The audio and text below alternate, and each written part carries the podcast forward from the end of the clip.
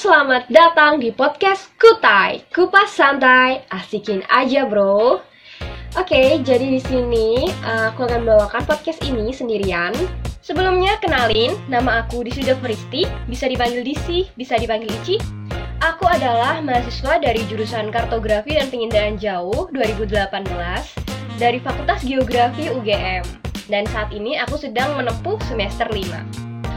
Uh, udah cukup kenalannya, uh, aku mau langsung aja. Jadi, di podcast ini aku akan membahas tentang bagaimana peningkatan limbah dapat mempengaruhi darurat iklim. Ya, emang tema ini tuh menarik banget. Apalagi tanggal 19 September lalu adalah World Cleanup Day. Kalau kalian belum tahu, World Cleanup Day merupakan aksi tahunan yang mengajak masyarakat di seluruh dunia untuk mengurangi masalah limbah baik limbah padat maupun sampah laut. Tujuannya agar kebersihan bumi dapat terjaga. Wow, keren banget kan? Nah, masalah limbah dan masalah lingkungan itu bukan tanggung jawab satu negara aja, tapi seluruh dunia. Seluruh dunia punya tanggung jawab untuk menjaga bumi. Kenapa? Contohnya nih, Indonesia berhasil mengurangi produksi limbahnya. Tapi limbah di negara lain masih meningkat ya sama aja dong. Seperti yang udah kita tahu, Indonesia itu merupakan negara berkembang yang menduduki peringkat keempat negara dengan jumlah penduduk tertinggi di dunia.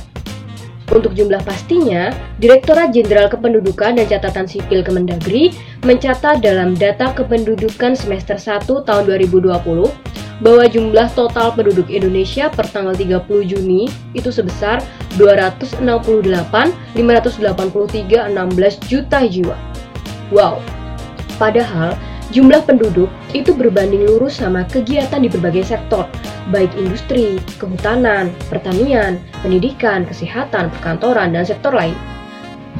Masing-masing sektor tersebut memiliki kegiatan yang tentunya menghasilkan limbah dari kegiatannya, baik padat, cair, maupun gas.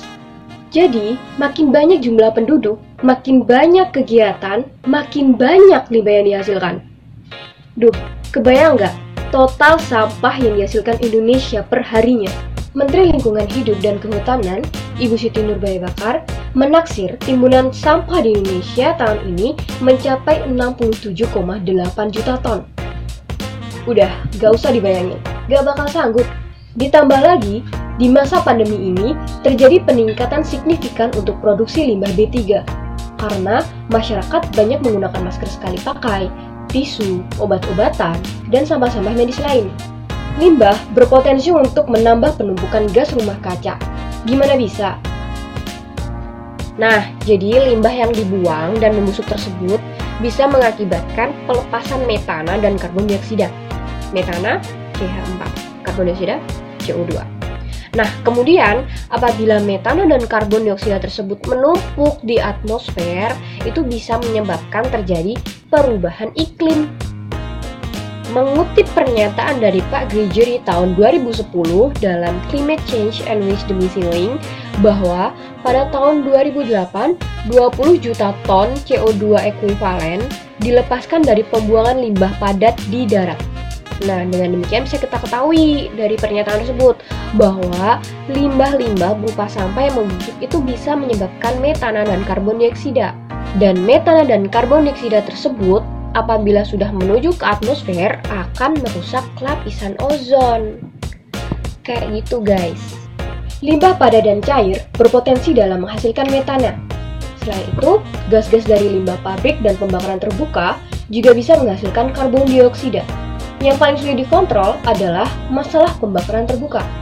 Pembakaran dari kertas dan plastik dapat menghasilkan gas nitrogen oksida atau sama dengan 310 kali karbon dioksida ekuivalen. Perubahan iklim udah bukan mimpi buruk. Ini sudah jelas-jelas jadi kenyataan yang dampaknya udah benar-benar terasa di seluruh dunia.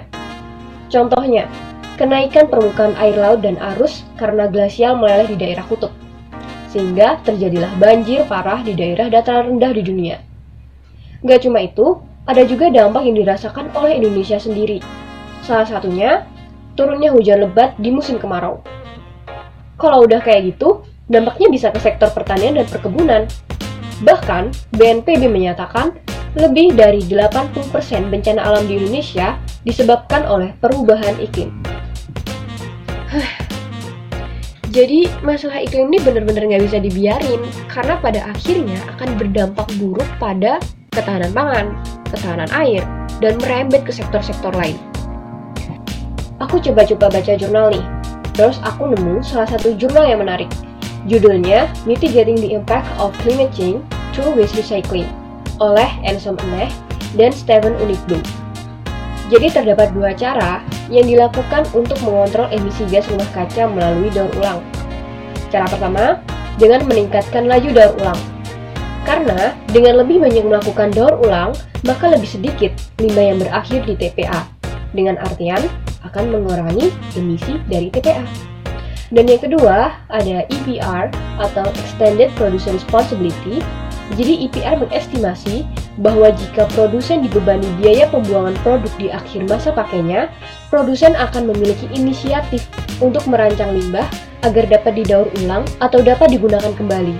Saat ini, pemerintah Indonesia sudah menerapkan berbagai strategi dalam menghadapi masalah ini, mulai dari kebijakan pengelolaan limbah industri, pengembangan ekonomi rendah karbon, Terus ada mendorong pemanfaatan ampas biji atau slag dari hasil pengelolaan pabrik pemurnian logam mineral atau smelter. Terus ya masih banyak lagi lah. Nah, jadi pemerintah itu memerlukan mitigasi yang tepat untuk menyelesaikan masalah limbah yang mana disesuaikan sama kondisi wilayah tersebut. Maksudnya, penyelesaian masalah sampah di pedesaan dan di perkotaan tentu ada perbedaannya. Di Indonesia sendiri, Hal tersebut sudah diatur dalam Undang-Undang Nomor 18 Tahun 2008 tentang pengelolaan sampah. Jadi guys, pemerintah memang berperan dalam membuat kebijakan terkait strategi pengelolaan limbah yang tepat. Tetapi, strategi ini nggak akan berjalan dengan lancar tanpa adanya peran masyarakat. Kita juga harus ikut serta berpartisipasi dalam bentuk aksi nyata untuk menghadapi bahaya limbah terhadap perubahan iklim tersebut. Oke, aku rasa udah cukup kupas santai masalah iklim dan limbah untuk kali ini. Kurangi perubahan iklim mulai dari mana? Mulai dari kamu. Sampai jumpa!